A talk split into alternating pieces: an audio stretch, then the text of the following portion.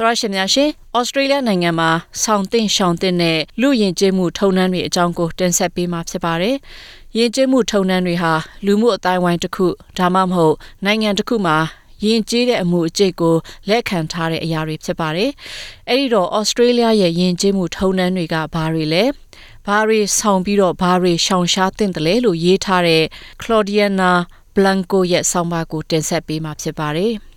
ဩစတြေးလျနိုင်ငံဟာကမ္ဘာပေါ်မှာ လူမျိုးပေါင်းစုံဘာသာပေါင်းစုံယဉ်ကျေးမှုပေါင်းစုံအများဆုံးစုစည်းနေထိုင်ကြတဲ့နိုင်ငံတစ်ခုဖြစ်ပါတယ်။အဲဒါကြောင့်မတူညီမှုတွေကနေတဆင့်ဩစတြေးလျမှာတမူထူးခြားတဲ့ရိုးရာယဉ်ကျေးမှုတွေထုံနှံအစဉ်လာတွေလည်းရှိပါတယ်။တခါတလေဩစတြေးလျက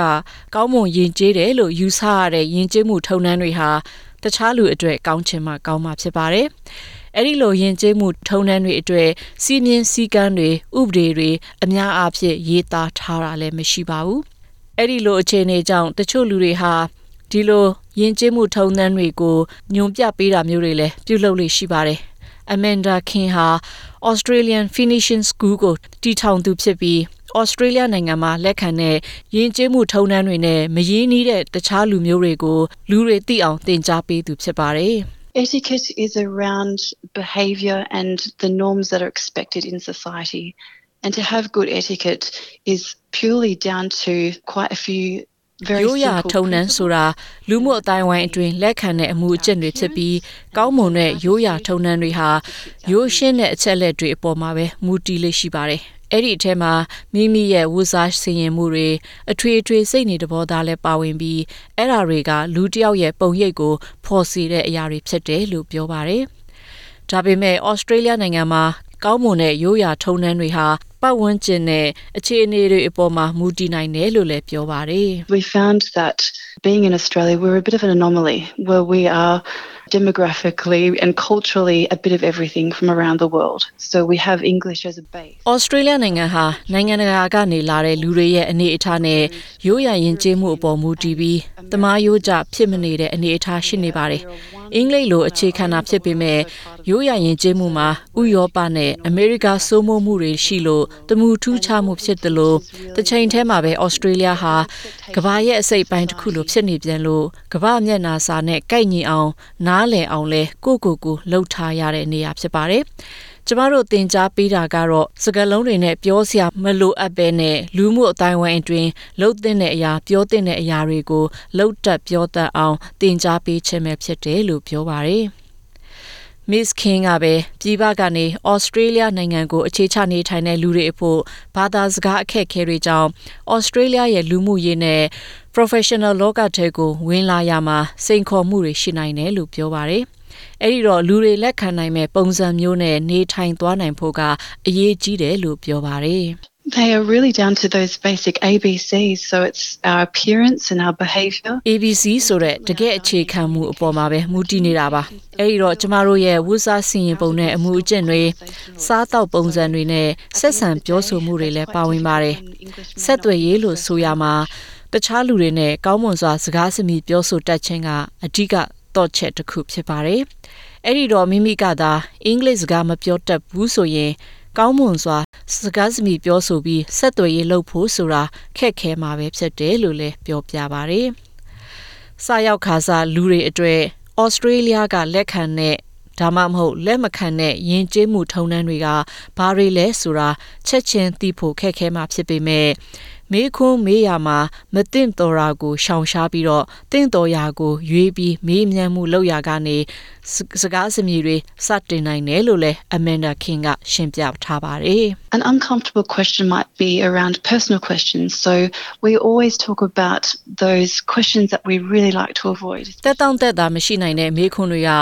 ကိုရေးကိုတာဆန်တဲ့မေးခွန်းမျိုးဖြစ်လို့အဲ့ဒီလိုမေးခွန်းမျိုးကိုရှောင်ရှားဖို့ကျမတို့ပြောဆိုလေးရှိပါတယ် ကျမတို့တိခါစားလူတွေကိုအိမ်ထောင်ရေးအကြောင်းငွေရေးကြေးရေးအကြောင်းဘာသာရေးနဲ့နိုင်ငံရေးအကြောင်းတွေကိုမေးမြန်းဖို့မသင့်တော်ပါဘူးလူဆိုတာမိမိနဲ့ဆက်ဆက်လို့ရတဲ့လူတွေနဲ့ပဲပေါင်းပေါင်းတင်လို့တဲ့အတွက်နှူးနှစ်ဖက်တိနားလည်နိုင်မဲ့အကြောင်းအရာမျိုးကိုပြောဆိုမှုတွေလှုပ်တင်လှုပ်တင်ပါတယ်အဲ့ဒီတော့အဖြေရကြနိုင်တဲ့ကိုရေးကိုတံမေးခွန်းတွေအစားခေါင်းစဉ်တစ်ခုအကြောင်းအရာတစ်ခုအကြောင်းကိုပြောဆိုတာမျိုးတွေလုပ်နိုင်တယ်လို့သူကအကြံပြုထားပါတယ် လူမျိုးတိုင်းနိုင်ငံတိုင်းလူမှုအတိုင်းဝိုင်းတိုင်းမှာမမတူညီတဲ့ရိုးရာယဉ်ကျေးမှုတွေရှိတဲ့အတွေ့ဩစတြေးလျမှာရောက်လာတဲ့အခါမှာဘာတွေဆောင်ရမလဲဘာတွေရှောင်ရမလဲဆိုတာကိုတတိထားမိတယ်လေလို့ပြည်ပကနေဩစတြေးလျနိုင်ငံကိုနှစ်ပေါင်းများစွာအခြေချနေထိုင်လာတဲ့လူတွေကိုမေးမြန်းထားပါတယ်။ We Must You ဟာဟောင်ကောင်ကဖြစ်ပြီးတော့ဩစတြေးလျနိုင်ငံကိုရောက်လာတာ10နှစ်ရှိသွားပြီဖြစ်ပါတယ်။သူလေ့လာမိတဲ့မတူညီချက်အကြောင်းကိုအခုလိုပြောပြထားပါတယ် One example would be we have parents or grandparents telling us, okay, you should eat more or you should eat less because you look fat or you look thin. Um, ဥပမာတစ်ခုပြောရမယ်ဆိုရင်တော့မိဘတွေအဖိုးဖွားတွေကများများစားစားမှာဒါမှမဟုတ်အစားလျှော့စားတဲ့နဲ့နင်ကတအားဝနေပြီဒါမှမဟုတ်များများစားတဲ့နဲ့ပိန်လှီနေရောပဲဆိုတာမျိုးတွေပြောလို့ရှိပါတယ်။ဩစတြေးလျနိုင်ငံမှာအဲ့ဒီလိုမျိုးပြောဆိုမှုတွေကကိုရေးကိုတာဆန်ပြီးတော့စိတ်ဆိုးစရာအပြောဆိုမျိုးဖြစ်နိုင်ပါတယ်။ဩစတြေးလျမှာ ကိုယ့်ရဲ့ကိုလုံးကိုပေါက်ပုံစံကိုဝေဖန်တာမျိုးမလုပ်ကြသလိုလူတယောက်ဘယ်လောက်စားသလဲဆိုတာမျိုးတွေမှာလည်းမှတ်ချက်ပြုဝေဖန်တာမျိုးမလုပ်တာကိုတတိထားမိတယ်လို့သူကပြောပြပါတယ်။ Sarah ဟာမော်ရိုကိုနိုင်ငံကဖြစ်ပြီးသူကတော့လွန်ခဲ့တဲ့15နှစ်ကစပြီးတော့ဩစတြေးလျနိုင်ငံမှာစတင်နေထိုင်လာသူဖြစ်ပါတယ်။ သူတို့အတိုင်းဝိုင်းမှာလက်ခံတဲ့မေးခွန်းတချို့ကိုဩစတြေးလျကရိုင်းဆိုင်တဲ့မေးခွန်းလို့မြင်တာမျိုးတွေကိုလေ့လာမိတယ်လို့သူကပြောပြပါတယ်။ If a couple gets married for more than nine months and the baby is not there, people ask him why or ask the lady အ why. ကယ် is လို့ there စုံ any တွဲတဲ့တွဲကလက်ထပ်ပြီး6လအကြာလောက်မှာကလေးမရသေးဘူးဆိုရင်ယောက်ျားဖြစ်သူဒါမှမဟုတ်အမျိုးသမီးဖြစ်သူကိုလူတွေကဘာကြောင့်ကလေးမရသေးတာလဲ အစင်မပြေလို့လားပြဿနာတစ်ခုခုရှိလို့လားဆရာဝန်နဲ့ပြကြည့်ပြီလားဆိုပြီးမေးတာကသူတို့အတိုင်းဝိုင်းမှာလက်ခံနိုင်ပေမဲ့ဩစတြေးလျရဲ့ယဉ်ကျေးမှုမှာတော့အဲ့ဒီလိုမေးခွန်းတွေကမသင့်တော်တဲ့မေးခွန်းတွေဖြစ်တယ်လို့ပြောပြပါဗျ။ဒါအပြင်ဆရာရဲ့အဆိုအရသူတို့လူမှုအတိုင်းဝိုင်းမှာကိုရေးကိုတာဆန်တဲ့ငွေရေးကြေးရေးအကြောင်းမေးမြန်းတာကလည်းလက်ခံနိုင်တဲ့အရာဖြစ်တယ်လို့ပြောပြပါတယ်။ ဒါပေမဲ့တချို့အာရဗ်ဒေသနောက်ခံကလာတဲ့လူမှုအတိုင်းဝိုင်းတွေမှာဆိုရင်လူကိုစတွေ့တဲ့အခါမှာအိမ်ထောင်ရှိမရှိမေးမြန်းတာကရိုင်းဆိုင်တယ်လို့မြင်တဲ့အကြောင်းပြောပြပါတယ်။ Yeah, especially the person is more than 25. There is a problem. yeah, if she's not married. And ဟုတ်တယ်မတင်တော့ပါဘူးအထူးသဖြင့်အမေးခံရတဲ့လူကအသက်25ကျော်ရင်တော့ပိုပြီးတော့မတင်တော့ပါဘူးအဲ့ဒီအရွယ်မှာအိမ်ထောင်မရှိရင်လူတွေကဘာကြောင့်မရှိတာလဲလို့မေးမှဖြစ်ပြီးအိမ်ထောင်ရှိပြီးမှကလေးမရှိရင်လဲဒီအိမ်ထောင်ရေးမှာတခုခုဖြစ်နေပြီးငါတို့ဝင်ကူမှရတော့မယ်လို့မြင်ပြီးတော့ ဘယ်ဆရာဝန်နဲ့ပြတ်တတ်တယ်လဲတခြားဆရာဝန်နဲ့ပြောင်းပြီးတော့ပြကြည့်ပါလားဆိုတာမျိုးတွေအထိမေးမြန်းမှုတွေလုပ်ကြတယ်လို့ပြောပါတယ် Fabiola Campbell ဟာ Venezuela နိုင်ငံကဖြစ်ပြီး Australia ကိုလွန်ခဲ့တဲ့16နှစ်ကတည်းကနေထိုင်လာသူဖြစ်ပါတယ်။ သူမဟာ2019ခုနှစ်တုန်းက Professional Migrant Women အဖွဲ့ကိုတည်ထောင်ခဲ့သူဖြစ်ပါတယ်။ The purpose of uh, the organization was to close the gap between migration and professional employment for women. ဒီအဖွဲ့ရဲ့ရည်ရွယ်ချက်ကတော့ပြည်ပကနေရွှေ့ပြောင်းနေထိုင်တဲ့လူတွေနဲ့ professional အလုပ်လုပ်ခဲ့တဲ့အမျိုးသမီးတွေထုံနှန်းဒလေတွေကြောင့်ဘာသာစကားတွေကြောင့်နောက်ကောက်ကျန်တာမျိုးမဖြစ်အောင်ရည်ရွယ်ပြီးဖွဲ့စည်းထားတာဖြစ်ပါတယ်။ပြည်ပကနေရွှေ့ပြောင်းနေထိုင်တဲ့ပညာတတ်အမျိုးသမီးတွေအလုပ်မရတာတွေနဲ့ရတင်ရထိုက်တဲ့အလုပ်မရကြတာမျိုးတွေရှိနေတဲ့အတွက်လည်းဖြစ်ပါတယ်။အဲ့ဒီအမျိုးသမီးတွေမှာအရေးအချင်းမရှိလို့အတွေ့အကြုံမရှိလို့မဟုတ်ပဲဩစတြေးလျမှာအလုပ်ရဖို့လှုပ်ဆောင်ရတဲ့လုပ်ငန်းစဉ်တွေကိုနားမလည်လို့ဖြစ်ရတာလို့သူကပြောပြပါဗျ။အဲ့ဒီတော့ပြည်ပကနေရွှေ့ပြောင်းလာတဲ့အမျိုးသမီးတွေဩစတြေးလျနိုင်ငံကအလုပ်ဈေးကွက်ထဲဝင်လာနိုင်အောင်လမ်းညွှန်မှုတွေတင် जा မှုတွေလုပ်ပေးတာလည်းဖြစ်ပါတယ်။ What I did was to create a mentoring program in which they learn how to sell themselves. ကျမလုပ်တာကတော့လမ်းပြသွန်သင်တဲ့အစီအစဉ်ကိုဖန်တီးပေးလိုက်ပြီးအဲ့ဒီမှာသူတို့ကအလုပ်ရှင်လက်ခံဖို့အတွက်သူတို့ကိုသူတို့ဘယ်လိုဂုဏ်ရည်မြင့်အောင်ပြောတတ်ရမလဲသူတို့ရဲ့တန်ဖိုးကိုအလေးထားတဲ့အကြောင်းတွေပြောရမှာဖြစ်သလိုဩစတြေးလျနိုင်ငံမှာရှိတဲ့အလုပ်အကင်မျိုးနဲ့ကိုက်ညီအောင်ပြောဆိုတတ်ဖို့အတွက်တင်ပြပေးတာဖြစ်တယ်လို့ပြောပါတယ်။ အဲ့ဒီလိုလှုပ်ဆောင်ချက်တွေဟာရိုးရာဓလေ့ထုံနှန်းကိုနားလည်အောင်လှုပ်ဆောင်ခြင်းတစ်စိတ်တစ်ပိုင်းဖြစ်ပါတယ်။ Miss Campbell ရဲ့အဆိုအရလုပ်ငန်းခွင်မှာရိုးရာယဉ်ကျေးမှုမတူညီမှုတွေဟာပြည်ပကနေရွှေ့ပြောင်းလာတဲ့ professional အမျိုးသမီးတွေအတွေ့အဟန့်အတားတစ်ခုဖြစ်နိုင်တဲ့အတွက်ဆက်ဆံရေးကောင်းမွန်အောင်ရိုးရာဓလေ့ထုံးတမ်းတွေကိုအပြန်အလှန်နားလည်အောင်လှုပ်ဆောင်ရတာဖြစ်တယ်လို့ဆိုပါတယ် There are certain things that you learn the hard way. Some people, maybe because of their culture and maybe because they want to be seen as they တချို့အရာတွေကတော့အခက်အခဲကြားကမှပဲတိနားလည်နိုင်တဲ့အရာတွေရှိပါတယ်တချို့လူတွေအတွေ့ကတော့